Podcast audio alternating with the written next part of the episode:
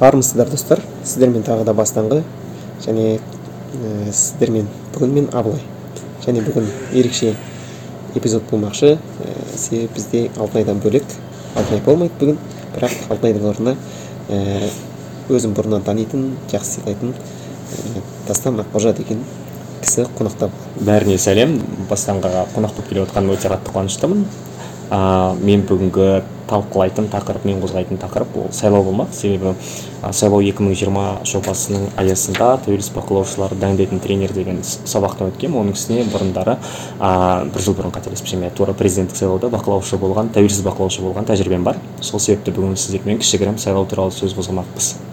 Тәке енді е ол кезде мен сізді инстаграмнан көрмедім ол кезде ауылда болдым мен. Сөйтіп ауылда азаттықтың несін көріп отырмын инстаграм қарап отырмын. Ол кезде тәуелсіз бақылаушы бола алмадым мен болайын дегенмін бірақ сонда да солай болды. Жалпы өзі енді басынан бастасақ сайлау деген нәрсе не өзі маңыздылығы неде ол не үшін керек деген сияқты сұраққа. Сайлау деген ол көбінесе кез келген мемлекеттегі билік өкілдерін таңдау процесі болып есептеледі.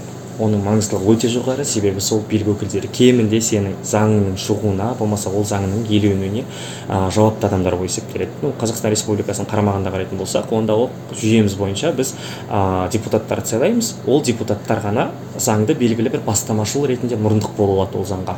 Сосын оны сенатқа береді. Сенат ол заңнаманы қарастырады. Егер иә жоқ деп мақұлдайтын болса әрі қарай қабылдау қабылдамау президентке жіберіледі. Сосын президент ол заңға қол қою қоймауын шешіледі. Иә. Сол үшін бұл өте қатты маңызды. Бұл әрқайсымыздың көкейімізде жүрген бір мәселелердің шешілуіне өте қатты үлес қосатын нәрсе. Қызық екен мен былай ойлайтынмын енді бұл енді менің саяси сауатсыздығым шығар сенат арасындағы бүйтіп нелер дұрыс түсіндірілмегеннен кейін байланыстар. Мысалы сенат не мәжіліс не президенттің атқаратын қызметі. Былай қарасаң президент былай қарасаң атқарушы қызметті кейде атқаратын сияқты кейде заң шығарушы қызметті атқаратын сияқты. Бір түсініксіз бір. Сосын министрлердің арасындағы министрліктердің арасында бүйтіп бәрі қарасаң бір нәрсе сияқты кейде. Бірақ әрқайсысы бөлек сияқты. Бір түсініксіз бір сондай бір нәрселер бар. Оны қарапайым ұзақ уақыт керек. Бірақ бір нәрсе айтайын. Қазақстан республикасының ата заңы бар конституция. Ол қабылданған өкінішке орай қазақстанда ол бірнеше рет түзетуден өткен бірақ ол маңызы жоқ. Кез келген қазақстан республикасындағы заң сол ата заңның негізінде болады. Яғни ата заң ол мысалы белгілі бір фабула береді саған форма береді. Мынандай мынандайдың аясында сен қозғала аласың. Қазақстан республикасы азаматтарының там мынандай нәрсеге құқығы бар дейді. Келесі соның астына шығатын кодекстер болады. Ол кодекстер саған мынандай да мынандай нәрсе істеуге рұқсат етеді болмаса оның жазасы қандай деген сұраққа жауап береді мысалы там егер адамды зорлайтын болсаң мынандай да қылмыстық жаза аласың бұл ауыр қылмыс болып есептеледі дейді. Кейін ол заңды толықтыра түсетін қосымша жоғарғы соттың қабылданған қаулысы болады. Ол қаулы бойынша айтады там зорлау деген не мысалы? Ауыр деңгейдегі қылмыс дегеніміз ол не? Ол жазасын қалай есептейсің және оны қалай санаттайсың дейді. Ну егер де ә, қазақстан республикасының ата заңын оқып сен заңды білемін десең ол үлкен қателік. Егер де сен тек қана қылмыстық кодексті оқып заңды білемін десең ол да қателік. Ә, сол себептен кодекстен өзге түзетулер бар одан қалатын болса там жоғарғы соттың қабылдаған қаулылар бар соның барлығын істейсің одан өзге министрліктер де сол заңның төңірегінде подзаконный акт дейді заң асты акттерді қабылдайды. Мысалы там қазақстан республикасының волонтерлік қызмет туралы заңы бар. Оның ә, заңның қарамағында үш заң асты акт бар. Ол саған толыққанды түсініктеме береді. Әрекет түсініктеме саған заң алаңын береді белгілі бір. Соның ішінде сен не істей алатыныңды не істей алмайтыныңды ненің неге жататындығын түсінесің. Енді осы заңның барлығын қабылдауға көмектесетін себепкер болатын сол депутаттар. Біз бәріміз сайлайтын сайлауға барған кезде. Сол үшін сайлауға бару маңызды сол үшін стратегиясын оқу маңызды. Әрбір партияның болсын кандидаттың болсын үміткердің ә, сайлауалды стратегиясын үгіт насихатын оның орындалуын қадағалау маңызды. Сонда мысалы ше бір түзетулер енгізді бүйтті сөйтті дегенде мысалы депутаттар сонда кодекске түзетулер енгізе ма сонда? Әлде жаңа заңдар қабылдай ма? Жаңа заңдар заң мен кодекстің айырмашылығы қалай сонда бұл жерде? Оны оны да түсіндіру ауыр негізі. иә ауыр екен. Мен өзім қазір қорытып отырмын мысалы оны бөлек заңгермен алмаса бірақ қысқаша айтатын болсам негізінде депутаттар белгілі бір заңды қабылдайды. Ол заң ә, бар заңды өзгертуі мүмкін толықтыруы мүмкін болмаса кеңейтуі мүмкін. Мысалы там зорлау туралы заңды былтыр қазақстан республикасының президенті қасым жомарт тоқаев ә, ауыр санаттағы қылмыстардың санатына жатқызды. Ол бұрын орта деңгейдегі қылмыс болған. Ал 2001 жылы ол бәрібір ауыр санаттағы қылмыс болған. Тек а жоқ 2000 жылы 2000 жылы мамырда сосын депутаттар алады да оны. О қазақстанда ә, ауыр қылмыстардың саны көп ә, проценттік коэффициент бойынша ең көп болып тұрған зорлау. А давайте қазақстандағы осындай қылмыстардың санын азайту үшін жай ғана зорлауды орта деңгейдегі санатқа түсірейік дейді. Осының барлығын қабылдайтын депутаттар. А ол депутаттар таңдайтын кім? Ол мен сіз және қазақстан республикасының 18 жасқа толған электораттық құқығы бар кез келген адам. Вот а құқыққа байланысты а, иә. қазақстан республикасында екі сайлау құқығы бар. Ол бәсең сайлау құқығы және белсенді сайлау құқығы. Бірі саған өзіңе сайлануға рұқсат етеді екіншісі саған біреуге дауыс беруге а, мүмкіндік береді. Енді осы құқықтың ішінде қазақстанда сайлануға байланысты үлкен проблема бар. Себебі ол шектеулермен толы. Әрбір адам қазақстанда депутат бола алмайды. Әрбір адам қазақстанда президент бола алмайды. Қазақстанда мысалы самовыдвиженец деген түсінік жоқ. Өзін өзі ұсыну деген. Заң бойынша ол мүмкін емес. Заң бойынша сен міндетті түрде партияң болу керек. Ол ұсынып жатқан партияның атына сен кандидат болуың керексің. Сосын саған белгілі бір қолдың санын жинау керек. Сосын ақшасын беру керек мемлекетке сайлауға қатысу керек. Сосын сайлауда қатысқаннан кейін а, не бар ә, кемдік көрсеткіш бар қазір қанша екені есімде жоқ. Соны жинауың керек сол кезде жинағанда ғана сенің жинаған бүкіл дауыстарыңның ішінен пайыздық көрсеткішпен сені сол ә, адамдардың арасына өкіл қылып жібереді. Мысалы бұрын ә, осының алдындағы мәжілісте екі пайыз алты пайыз дегендер болды. Ол екі пайыз алты пайыз жалпы мәжіліс мәжілістегі адамдардың саны шыққан кезде бір адам екі адам болып шығады. Сонда бір партиядан бір ақ адам депутат болуы мүмкін. Мысалға. Мен осы өзін өзі ұсынуға байланысты мәслихатқа байланысты бір былтыр мынандай оқиға болды ауылда. Ол кезде оқу бітіріп ауылда. Сол үйге шаруаға көмектесіп жүрген. Сол кезде шөп кезі болатын. Шөп кезінде біздің ауылдың ә, жер аумағынан бір мың гектар ма бес мың гектардай жерді бір жекеменшік бір кісіге береді деген сияқты бір қауесет шығып және соны қоршағалы жатыр екен. Сөйтіп соған бүкіл ауыл болып барып содан кейін шешеміз мәселесін деп сөйтіп тура қыркүйек айы болды. Содан кейін сөйтіп бардық та шөптің басына бардық сол поляға. Сөйтіп сөйтіп едік ана жерде енді шешілмеді ол жерде? Сосын ертесі аудандық акиматқа барамыз дегендей болды. Сөйтіп сол жақта енді ол жақта айтып жатыр айтып жатыр айтып жатыр бір уақытта бір әкім ба бір кісі айтып қалды. Сіздердің ауылдарыңыздан сайланған мәслихаттағы сіздердің өкілдеріңіз бар ғой деп қойған иә иә содан бәріміз бірімізге қарап ана қабылдау күндері бар бір қызға айтайын сізге. Көбінесе ол бейсенбі бірімізге біріміз қарап тұрып қалдық. Е ана кім сайлады ой деп ой ауылдағы мәслихаттардың саны мүлдем қызық өйткені менің ауылымда қанша төрт рет па қатарынан сайланған ол менің ауылдағы ә, поликлиниканың бас дәрігері болған. Қаншама рет сайланған бірақ оның түбін тесіп тастағанын білмеймін ше. Бірақ оның депутат екенін тек қана андай жиындарда ғана ресми сөз берген кезде ғана біледі. Бірақ кім дауыс беретінін мен мүлдем түсінбеймін онда. Егер көбісі білмесе. Ол депутаттардың қабылдау күндері болады білесіз ба сіз? Заң бойынша. Яғни ол мысалы әр бейсенбі мысалға мен ә, алматы облысы там райымбек ауданының атынан тағайындалған депутатпын иә? Облыстық мәслихатқа арналған онда мен қабылдап отырамын соны әй айт бір, біртіндеп адамдардың бәрі жазылып отырады сосын айтады маған біздің ауылда шөп жоқ біздің ауылда су жоқ біздің ауылда газ жоқ не істейміз? деген секілді. Сол мәселелердің барлығын жинақтап ол әрі қарай жіберу керек. Сол ортасындағы бағанағы посредник дейміз ғой иә иә. Сол. Сөйтіп мәслихат деуге барып қарадым ғой мәслихат деген мәслихат деген бір нәрсе бар екен ғой. Аудан әкімі акиматтан бөлек бір нәрсе бар екен ғой. Сөйтіп мәслихат не екен десем сөйтсек біздің аудандық ауданның бюджетін ауылдың yeah, ауылда кіріп кетеді ғой. Yeah, соның бюджетін қарастыратын жалпы олардың даму моделін бірдеңелерін сөйтіп сөйтіп жалпы біз үшін шешім қабылдайтын кісілер солар екен. Ал олардың қабылдаған шешімдерін жүзеге асыратын әкім және басқа да кісілер екен. дұрыс. Ой деген мәслихатқа өзіміздің арамыздан адамдарды жіберу керек екен ғой. Ол жақтан мүмкін жеп жатқан шығар қалай болып жатыр ашық ол ақшаны қадағалау да ол біздің міндетіміз негізі азамат ретіндегі. Деп кәдімгідей бір ойланып қалдым. Қазір мысалы қаңтардың бұйырса жиырмасына дейін шығу керек. Қазақстан республикасының екі мың жиырма екі мың жиырма үшінші жылдың бюджеті қабылданып қойды алдын ала бағдарлама бойынша. Иә yeah, оны қабылдаған кім деген сұрақ қайтадан жауап белгілі. Депутаттар қабылдайды ол бюджетті ақшасын есептейді. Оның қай салаға қанша бөлінетінін есептейді. Және ол салаға қанша ақша бөлініп жатқаны іс жүзінде қанша екендігін оны қадағалауымыз керек біз. Бірақ бізде қазақстанда ондай белсенді адамдар аз. Әлеуметтік саяси жауапкершілігі жоғары. Сол себепті ол тексерусіз сол күйі қалады. Сосын бір журналист жақсы жазса рахмет дейсің мынандай мынандай депутаттар мынанша ақша мынанша мынандай нәрсеге бөліп жатыр деген секілді ескерткішке мынанша ақша бөліпті дегендей. Иә сол ғой оның не үшін қалай бүйтіп несі жасалмайды да толық электорат белсенділігіне байланысты құрай тұрып болған нәрсені ғана хабарлау сөйлем ретінде дұрыс иә. оны бүйтіп толықтауыштары анықтауыштары қосылмайды да. Ол маңызды бізде қоғамдағы адамдардың көбінесе енжарлығына өте қатты қатқалам. Сайлауға барып келді болды. Сенің онымен белсенділігің шектелмейді ақш пен салыстыратын болсаң мысалы электораттық белсенділік және қазақстандағы ол екі, екі сайлаудың өзін салыстыру жер мен көктей секілді ғой мысалы байден жеңді ма әлде трамп жеңді ма деген сұраққа бүкіл әлем болып қарап отырды да. А, біздегісі көп ну шешіліп қойған шығар менің даусым беріліп қойған шығар не қыламын барып басқасы деген секілді қоя салады. Бірақ ол маңызды. Егер сен бір адам болып баратын болсаң сен ең құрығанда бір адамның дауысы ұрланбағанына іштей кепіл бере аласың.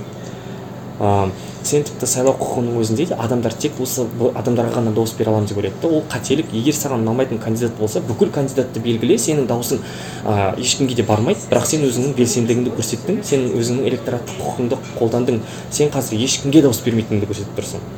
Яғни ол да процент ретінде есептеледі. Мысалға сайлауға қатысқан менің учаскемде тіркелген екі жарым мың адам болса екі жарым мың адамның ішіндегі егер мың жарымы келіп ешкімге дауыс бермей бәріне қатарынан дауыс беріп бланкта саналы түрде білдірген болса онда ол маған бірдеңке деу керек қой мен түсінуім керек. Не үшін қалай болғандығы а мың, жарым адам егер мына кандидаттардың ешқайсысына дауыс бергісі келмесе демек ол проблема бар деген сөз. Ал ол проблема ешқашан да көрінбейді. Егер де сен үйіңде сайлау кезінде жата берсең мен үшін шешіліп қойды деп. Бару маңызды. Дауыс беру маңызды. Сол жаққа кіріп бланкыңды алып галочкаңды қойып қос бүктеп соны урнаға тастау маңызды. Басқа адамдарды сайлауға баруға үгіттеу маңызды. Осы ол са- сайланған адамдардың кім екендігін қадағалау маңызды көру маңызды. Ол депутаттардың сен даусыңды артқаннан кейін бергеннен кейін сенің салық арқылы мемлекеттің бюджетін толтырып жатқан ақшаны қалай бөлетіндігін қалай есептейтіндігін қадағалау маңызды. Енді қарапайым мысалмен ойлап көріңізші мен ә, қазіргі таңда заңнама бойынша табысымның жиырма пайызын мемлекетке бөліп отырмын. Ойлаңызшы егер мен екі жүз мың теңге тапсам онда оның жиырма пайызы қырық мың теңгені мен сойып тұрып мемлекетке бере саламын бүкіл салықтардың өкілімен. Там и ндс подоходный налог пенсионка басқасы деген секілді. Енді менің ішім күйеді ғой шынымен егер де мен сол берген ақшаны осылай миллион адастан отыр адам қазақстан бойынша ақшасын беріп иә бюджетіміз көбінесе салық және мұнай арқылы өмір сүріп жатыр. Осы ақшаның барлығын беремін бергеннен кейін оны айналдырған там депутаттар отырады да екі жүзге жетер жетпесі сосын былай былай деп есептей салады бөліп тастайды болды. И мен отырамын о ақшам қайда кетті менің? деген секілді. Жоқ оның үстіне былай деп ойлаймыз ғой. Көбіміз мысалы депутаттар бізге бір олар өз өздерінен ақша тауып жатқан сияқты. Иә. біздің оларға бүйтіп ақша беріп жатқанымызды ойламаймыз ғой. Иә Олар біз біздің- оларды асыраймыз. заң иә, бойынша біздің- депутаттар жұмыс істей иә, алмайды. иә, былай айтқанда олар біздің бір жалданған жалшыларымыз қызметшілеріміз олар иә давайте сендер былай айтқанда емес шынымен солай. иә, неге солай ғой? Ол халықтың Иә, құлы. сендердің жақсыларың бастарың жақсы істейді сендер білімдісіңдер құлы белсендісіңдер қызметкер белсендісіңдер. Сондықтан сендер енді біз үшін шешім қабылдар Иә, олар жиырма пайыз иә, он пайызды иә. сендерге берейік өздерің реттеп отырыңдар. Иә. Бірақ әйтеуір дұрыс жұмыс жасасыңдар болды ол менің жауапкершілігім. Ал бірақ көбі бүйтіп андай феодализм феодалдық қоғамдағыдай ойлаймыз ғой. олар бастық олар бәрін шешеді олар бәрін ойбай кіргенде де табынып кіре қазақстан республикасының сенатының депутаты қазақстан республикасы мәжілісінің депутаты пәленбай пәленбай пәленбай. Ол жай депутат. Дәке жаңа сіз ақш деп қалдыңыз. Ақшта өткенде сайлау болған кезде біз кәдімгідей әйтеуір ел жұрт болеть етіп Иә. байден былай екен буш Иә. былай екен деп отырдық сонда ә, жалпы әлемдегі сайлау мен қазақстандағы сайлаудың қандай қандай айырмашылықтары бар былай? Жалпы жүйесіне байланысты. Жүйесіне байланысты ол жүй- жүйені талдап отыру андай тым академиялық сияқты мажоритарлық жүйе бар одан қалып мысалы пропорционалды жүйе бар көп мемлекеттерде екеуін араластырған а, ең қиын жүйелердің бірі мысалы ақш тың жүйесі ол белгілі бір адам санын коэффициентпен бөледі ол процентаж жиналу керек сосын ол дауыстарды пополам бөледі деген сияқты. А, бірақ қазақстандағы ерекшелігі мысалы а, бағана айттым ғой қазақстанда самовыдвиженец болмайды мүмкін емес деген секілді. Мен мысалы украинадағыдай өзімді партия құрып президент болуға үміткер ретінде қалыптастыра алмаймын болмаса үміткер ретінде кандидат ретінде есептей алмаймын и бізде көп ерек, үлкен ерекшелік ол бірінші электоралды белсенділік. Электорат деген ол кім? Ол сайлауда дауыс беру құқығы бар адам. Қазақстан республикасының заңнамасы бойынша ол 18 жасқа толған қазақстан республикасының паспорты бар кез келген адам. Мүлдем. Жынысына дініне ұлтына басқасына қарамастан кез келген 18 жастар қазақстан республикасының азаматы дауыс беруге құқылы. Ол дауыс беру құқығын кім қалай қолданып жатыр деген сұрақ бағанағы сұрақ қайтадан. Үйде жатады болмаса ну сайлауға бардым ба тегі қойшы не қыламын барып уақытымды құртып дегендей. Ол маңызды сол ғой былай деп ойлайды ғой кейде сайлауға баратын таңертең ерте бір баратқан кісілер кейде бір бір шаруасы жоқ Иә, адам немене бір еріп жүрген ораза бір бойынша үйде сайлау бір бір демалыс істемейсің ба деген сияқты. мемлекет айтады саған. Сайлау демалыс күні өтеді дейді. Мысалы оныншы қаңтар алдағы келе жатқан сайлау ол демалыс күні. Сен әдейі заң бойынша босатып қойған бәрі дауыс беруге келсін дегендей етіп бірақ ол да жоқ. Адамдардың көбісі келмейді. Келгеннің өзінде де. Учаскелер заң бойынша мысалы кешкі сағат сегізге дейін соңғы адам келгенше ашық тұрады.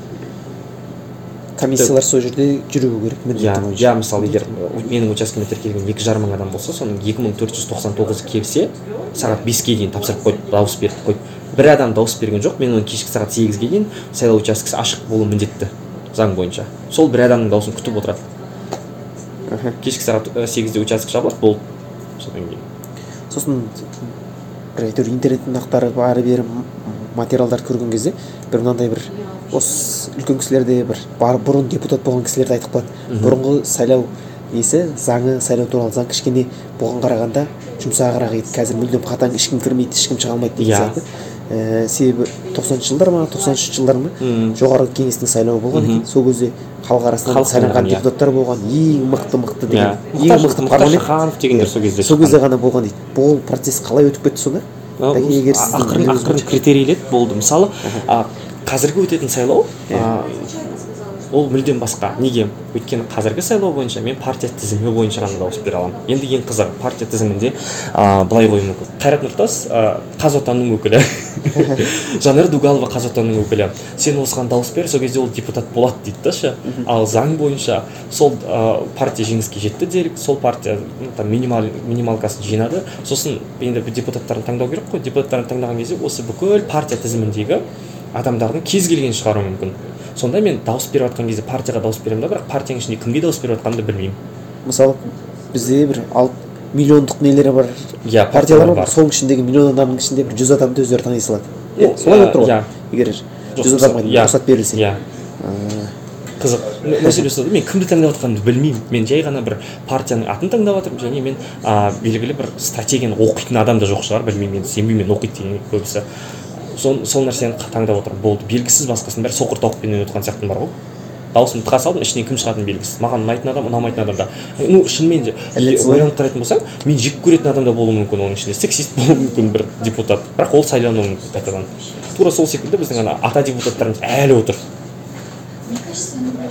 Сол үшін бір ерекшелігі сондай. Бұрын ол ондай болмаған. Бұрын мен білетінмін кімге дауыс беріп жатқанымды ол мысалы мысалы парламенттегі бұл да ерекшеліктер жаңағыдай. Иә. қос андай не ұсыныстар шетінен шетінен қосылып отыр ғой енді түзетулер. Бұл түзетулерді сонда бұрынғы депутаттар өздері нетіп қойған ба сонда? Жол беріп қойып отыр ғой сонда былай иә айтқанда. ақырын ақырын соны ну тура солай осы жылы орталық сайлау комиссиясы жауапты қызмет қызмет ретінде тура солай бақ, тәуелсіз бақылаушылардың да құқығын шектеп отыр.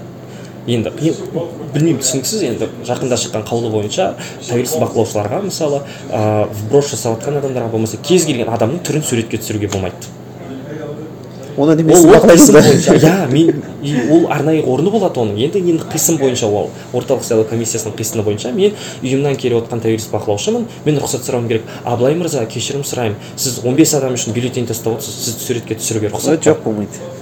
мәселе осы көрдіңіз ба олар айтады. Ол жеке құқығым деп иә қояйыншы. иә персональный данный бойынша заң бар ол бойынша мен сен- сені суретке түсіруге болмайды дейді да онда мен қалай суретке түсіремін онда мен қалай тіркеймін ол бұзушылықтардың барлығын? Тура сол секілді айтады. Енді тәуелсіз бақылаушыларды жібере алатын бұрын кез келген бейкоммерциялық ұйым болса қазір қаулысында жарғысында жазылып тұру керек кәдімгідей. Тәуелсіз бақылаушылық оның бір функционалдық қызметі болып есептеледі деген. Ондай қазақстанда жиырма екі мың ұйымның ішінде қаншауы бар екенін құдай біледі бар ғой. Бір бірең сараңы ғана бар шығар.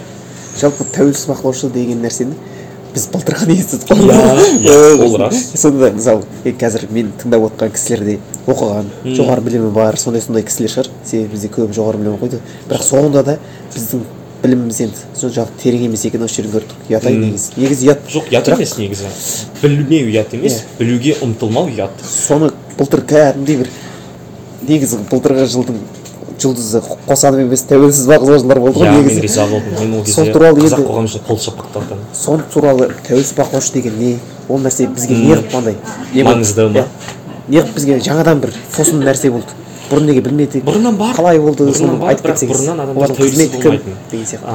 Бақылаушы болуға болады сайлауда. Бірақ тәуелсіз бақылаушы деген ол ешқандай саяси партияға мүше емес адам. Яғни мен ешқандай саяси партияға мүше емеспін.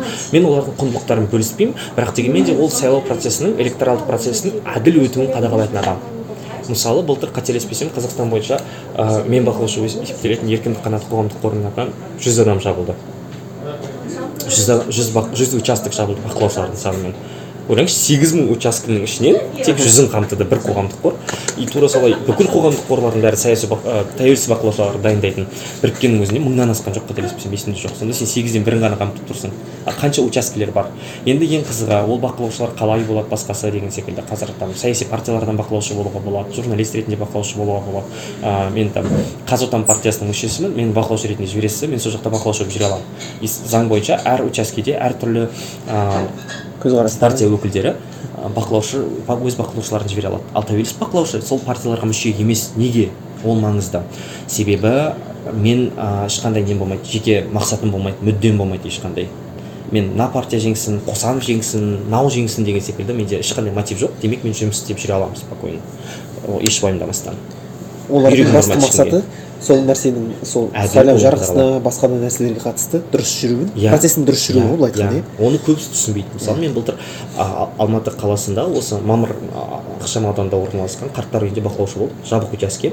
Сол кезде мен а, соның төрағасымен әбден иттей болып қырылғанмын. Бүкіл балағат сөзді естігемін а, себебі оның миына сыймайды. Сен кім керек саған қосанов па? Қосановқа дауыс қосып береміз. Отыршы тыныш дейді да? Маған ешкім маңызы жоқ қосанов болсын басқасы болсын. Мүлдем қажеті жоқ ешкімнің. Маған жай ғана бұл процестің әділ болуы маңызды. Кеткен жоқ па сізге? Ұятың жоқ екен жап жас болады сен әке шешең ұялу керек саған. Сен көргенсізсің сен тәрбие көрмегенсің. Сендей адамдарды жиі жейді сен оңбағансың. Ыыы сен ертең көресің бұның барлығын. Сен ертең қиналасың. Әбден сендей адамдардың барлығын талайын көргенбіз жиырма жылдың ішінде. Басқасы деген секілді нәрсенің бәрін айтты да. Ішінде жиырма жыл бойы бақылаушы болып жүрген бір ата да жүрген не коммунистер партиясының атынан бақылаушы болып жүрген. Бірақ сайлау заңын әлі білмейді екен да ондай қызықтар өте көп.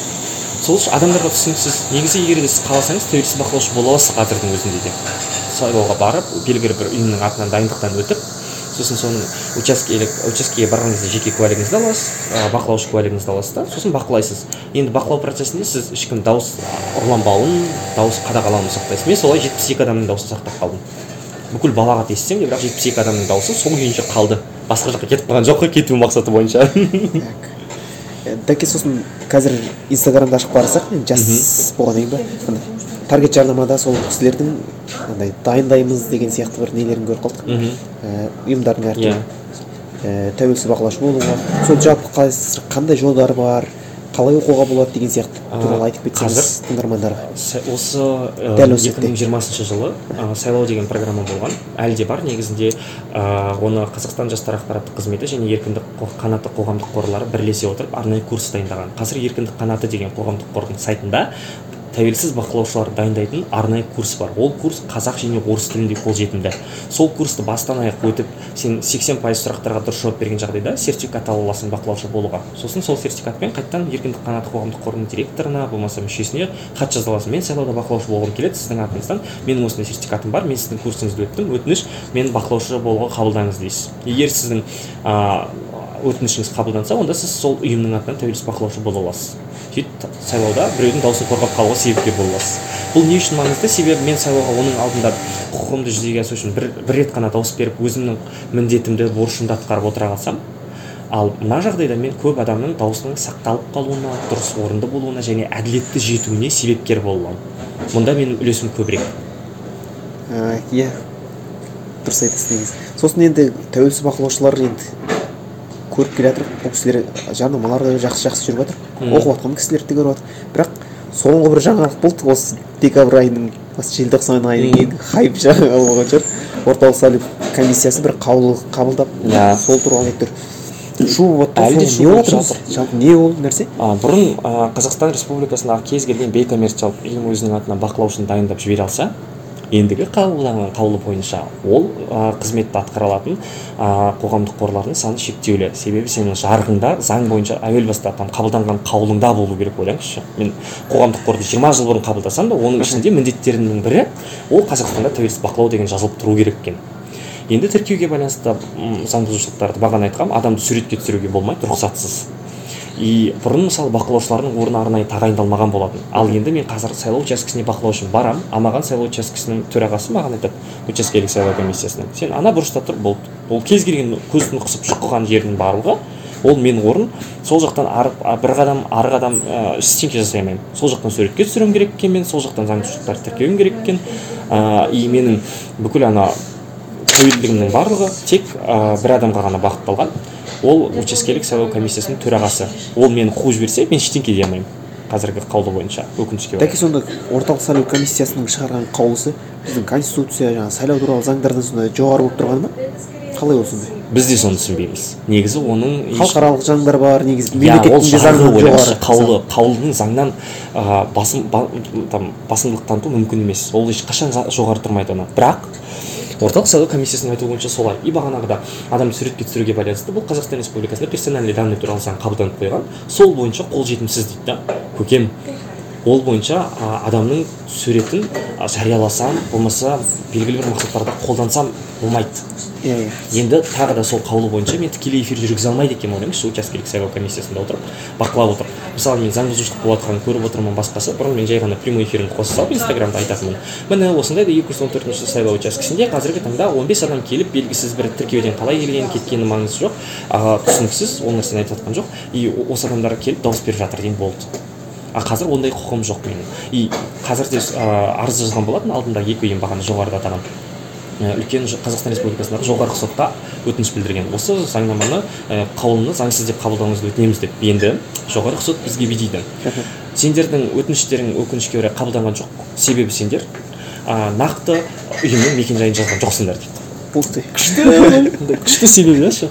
Қазақстанда өзі бірақ орталық сайлау комиссиясы бар соның мекенжайын жазуың керек еді сен заңды түрде тіркелген. Сол кезде ғана қабылданатын еді сенікі деп енді сіздер қайтадан жіберетін шығар ол ұйымдар. Иә болады да шығар. әлі қауіпсіздік мақсатында қалай не болып жатқандығын жариялай алмаймын жариялағым да келмейді. Иә иә.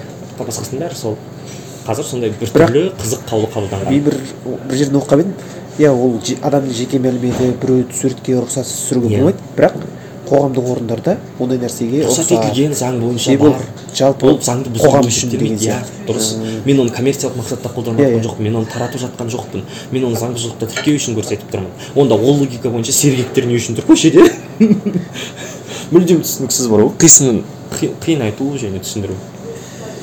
Өзім сол сұрақты қойып жатырмын әлі жауабын тапқан жоқпын мен. Сабырға деп шақырып отырамын сұрақ қойған сайын ештеңе мындай шынымен ақ е себебі қазір мысалы партияларды қарап отырсақ жаңа партиялар тіркелген жоқ. Мхм. Былай тәуелсіз бақылаушыларда соншалықты сығуының да бір несі жоқ қой былай? Себебі де жоқ қой. Ну мен үшін ол бір жағынан қуаныш. Себебі Иә, егер тәуелсіз бақылаушылардан қорқып соларды шектеу үшін егер осындай заңнамаларды қабылданып жатса демек ол тәуелсіз бақылаушылар дұрыс бағытта қозғалды деген сөз. Демек олар а, дұрыс нәрсе істеді. Демек олар осы жүйені а, босататындай кішкене а, жақсы нәрсе әрекет қабылдап жатыр деген сөз. Керемет.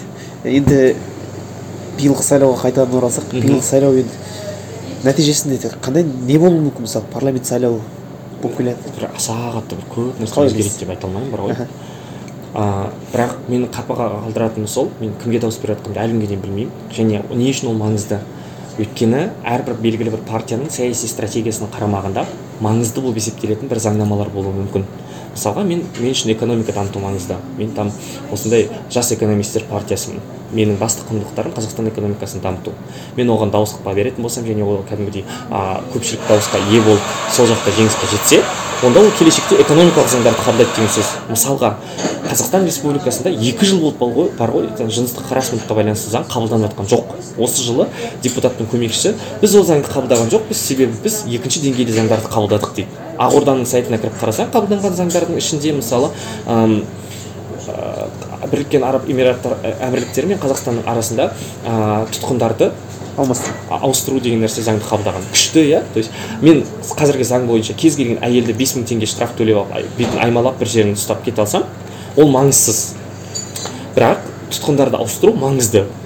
Өте түсініксіз. Сол үшін дауыс берудің нәтижесінде менде келешекте алдағы қанша? бес жыл ма ұмытып қалдым қандай заңдар қабылданатыны мен түсініп отырмын. Яғни мен сол партияның құндылықтарына сай келетін заңдарды ғана қабылдай алады олар. Сол нәрсені істей алады деген сөз негізі адамдар дауыс дауыс берген кезде сол партияның идеясына Иә.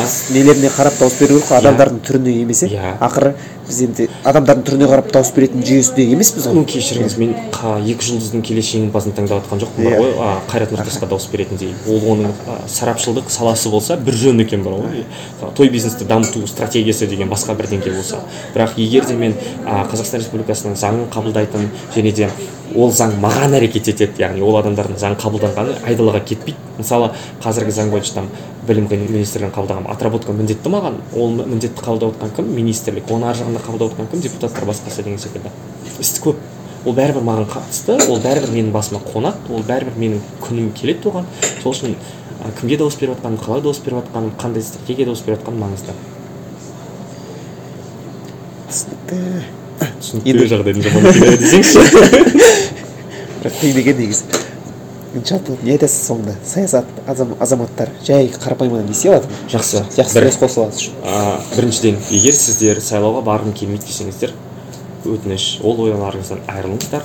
Ә, бір сіз тәуелсіз бақылаушы бола аласыз егер батылдығыңыз жетпейді десеңіз қазір тәуелсіз бақылаушыларға көмектесудің мың қырық амалы бар. Мысалы қазір біз фандинг жарияладық краудфандинг. Ә, сіз өзіңіздің пауэрбанкіңізді әкеліп берсеңіз болады бар ғой. Кімдерге бақылаушыларға бақылау күнінде өздеріне шығын кетпес үшін ә, қиындық тудырмас үшін солай көмектесе аласыз. Екіншіден егер сіз тіпті бақылаушыларға көмектеспедім дегеннің өзінде де үшіншіден болды. Иә көмектескім келмейді дегеннің өзінде де сайлауға барғым келмейді десеңіз сіз ең құрығанда сайлауға келіп бір дауысты қорғамаудың амалын істей аласыз себебі сіздің дауысыңыз жеңіп кетпейді. Егер төртіншіден сайлауға бардым барғанның өзінде кімге дауыс берерімді білмеймін болмаса біреуге дауыс беруді мәжбүрлеп жатыр суретке түсіру керек деген болса онда сіз ол үшін арыз жаза аласыз немесе сол кандидатқа дауыс берген суретін түсіріп болғаннан кейін бүкіл кандидаттардың жанына галочка қойып кете аласыз. Сол кезде сіздің бюллетеніңіз автоматты түрде бүлінген бюллетень болып есептеледі. Бүлінген бюллетень заң бойынша ешқайда есептелмейді. Ол мысалға бір стопка болып тұрады қазір бес партияның арасынан ал, бес партияның тізімі тұрады қатары алтыншы қатар ол бүлінген бюллетендердің қатары. Сол бүлінген бюллетендердің қатарын көбейтсеңіз болады ең құрығанда. Бірақ өтініш өзіңіздің дауысыңызды қор қылмаңыз ол сіздің төлейтін құқығыңыз сіз ол үшін ақша төлеп отырсыз мемлекетке. жиырма пайыз айлығыңызды сол нәрсе үшін беріп отырсыз. және ол жиырма пайыз айлығыңызды сен және менің қазақстандағы бүкіл он сегіз миллион қазақстандықтың тағдырын шешетін адамдар кім екендігін анықтау ол біздің қолымызда. күмәнданудың қажеті жоқ. істеңіз. істесеңіз ғана бір нәрсе өзгереді. Сосын сұрауды ұмытып бара мысалы әрбір учаскеде енді мүмкін ғой. Заңсыздықтар болады анау бес бюллетень алып кетуі мүмкін немесе басқа да сондай нәрселер болуы мүмкін.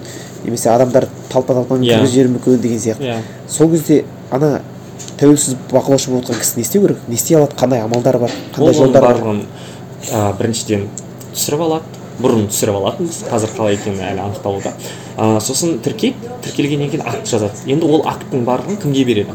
Ә, учаскелік сайлау комиссиясының төрағасына береді. Ол актіге қол қояды. Мен қабылдаймын болмаса қабылдамадым бұл арызды деген секілді. Сенің айтып отқан ә, көрсеткен қателіктерің өтірік дегендей. Егер ол қабылдап қабылдамаған болса онда бәрібір де оның нәтижесінде ол арыздың бәрі жиналып ә, территориалды сайлау аймақтық сайлау комиссиясы қателеспесем соған жіберіледі. Тикқа сосын тик оны цикқа жібереді орталық сайлау комиссиясына. Соның барлығын бір күнде істеп беру міндетті. Егер де сен бір күнде оның барлығын қабылдап үлгермесең кешке сосын былтырғыдай экзит пол айтып отырады. Қазақстан республикасы бойынша сайлау нәтижесінде тек қана екі ақ құқық бұзушылық тіркелді. Ол бұзушылықтар өте майда заттар деп. Сол кезде ана бағанағы учаскелерде тәуелсіз бақылаушы болған жүз бақылаушы күйіп отқан кемінде бар ғой мың. Өйткені біз мың қырық деректердің бәрін тіркедік. Ол деректердің барлығы өтіп жетемін дегенше сайлау қорытындысы шешіліп қойды. Сол үшін ә, тәуелсіз бақылаушылардың санын арттырамыз. Егер арттыра алмай жатырмын дегеннің өзінде де дауысыңыздың ұрланбауын ә, кепіл етіп бақылаушылардың жұмысын сәл болсын жеңілдетіңіз. Заңнама былай не бойынша олардың жазасы қандай сондай бұрмалаушылықпен айналысқан кісілер? Әртүрлі. Ә, әкімшілік құқық бұзушылықтан бастап қылмыстық құқық бұзушылыққа дейін істеген қылмысының түріне байланысты. Оның кәдімгідей жазасы бар шынымен де жазасы әртүрлі қылмысына байланысты бірақ жазасыз қалмайды ешкім. Бірақ жазалаған адамдар өкінішке орай аттарын білмейміз деп қойсаңызшы ондай жоқ десеңші бұл туралы үндемей ақ қояйық біздің үмітіміз өшпейді бәрібір де біз бір нәрсе өзгерте алатынымызға сенеміз енді жалпы менің сұрақтарым бітті негізі тәке басқа өзіңіздің айтарыңыз болса болды ма қалай сайлау қазақстан республикасы сайлауға қатысу қазақстан республикасы азаматтарының әрқайсысының борышы міндеті азаматтық деп айтып жатады мен бұрын ол нәрсеге сенбейтінмін ең алғашқы рет он сегіз жасымда дауыс бергенмін дауыс беріп кетіп қалғанмын мен. У күшті не істеймін әрі қарай дегендей сол себепті егер де сіз сол даусыңыздың күші барына сенбесеңіз егер де сіз демалысыңызды сол уақытқа жарты сағаттық уақытыңызды бөлгіңіз келмесе онда ертең ақымақ заңдар қабылданды деп өкінудің қажеті жоқ. Егер өкінбедім десеңіздер әйтеуір сіздің даусыңыз еленсін десеңіз өтініш сайлауға барыңыз. Мен бақылаушы мен болыңыз екі мың он бесінші жылғы сайлауға қатысқан мектепте оқып жүрген кезде сөйтіп маған сөз сөйлетіп жас сайлаушы деп қолыма кітапша беріп ой ол кезде де мына адамға дауыс бер деп айтпаса айтып айтып болған шығар. Құдай біледі просто а ол кезде мектепте мынандай қызық болған. Мектепте осы жеті сегіз ба сондай оқимыз сөйтіп сөйтіп сайлау туралы ма бір әңгімелер айтылып жатыр лезнеменде ғой? Кеше осындай осындай сайлау болып ә, соның нәтижесінде бір кісілер мынаған берген екен. Ұят айтып қояды ғой. Бір бір дауыс беру құқығы толығымен анонимді. Иә. Сіздің кім дауыс кімге дауыс бергеніңізді талап етуге білуге ешкімнің құқығы жоқ. Ол сіздің құқығыңыз оны бұзу да заң бұзушылық болып есептеледі. Орталық сайлау комиссиясының маңында соны тіркейтін арнайы бөлімшесі бар. Оқып қарап танысып көрсеңіздер болады. Егер де сізді оқу орныңызда жұмысыңызда бір кандидатқа дауыс беруге мәжбүрлеп жатса соларға хабарлассаңыз болады. Егер хабарласуға қорықсаңыз жай ғана сайлау бюллетенінде бүкіл кандидаттың жанына галочка қойсаңызшы. Сол кезде болды көп нәрсе шешіледі. Иә достар осы ненің енді шығарылған эпизодтың астына сілтемелерді барлығын қалдыратын боламыз. Соларға байланысты өздеріңіз енді көресіздер ғой боламыз десеңіздер болмаймыз десеңіздер де жалпы енді қызу тақырып болғаннан кейін енді осы туралы білетін кісіден сұрап ең бастысы енжар болмаңыздар. сөйтіп бір үлесімізді қосып қояйық деген біздің де бір кішкентай бір тамшыдай үлесіміз деп ойлаймын. Енді менің де айтарым сол енді алдағы уақытта эпизодтар көп болады. Осындай осындай жақсы жақсы тақырыптарға аман болыңыздар. Дастан мырзаға көп көп рахмет айтамыз. Оқасы жоқ сайлауға қатысыңыздар ал жақсы көріскенше.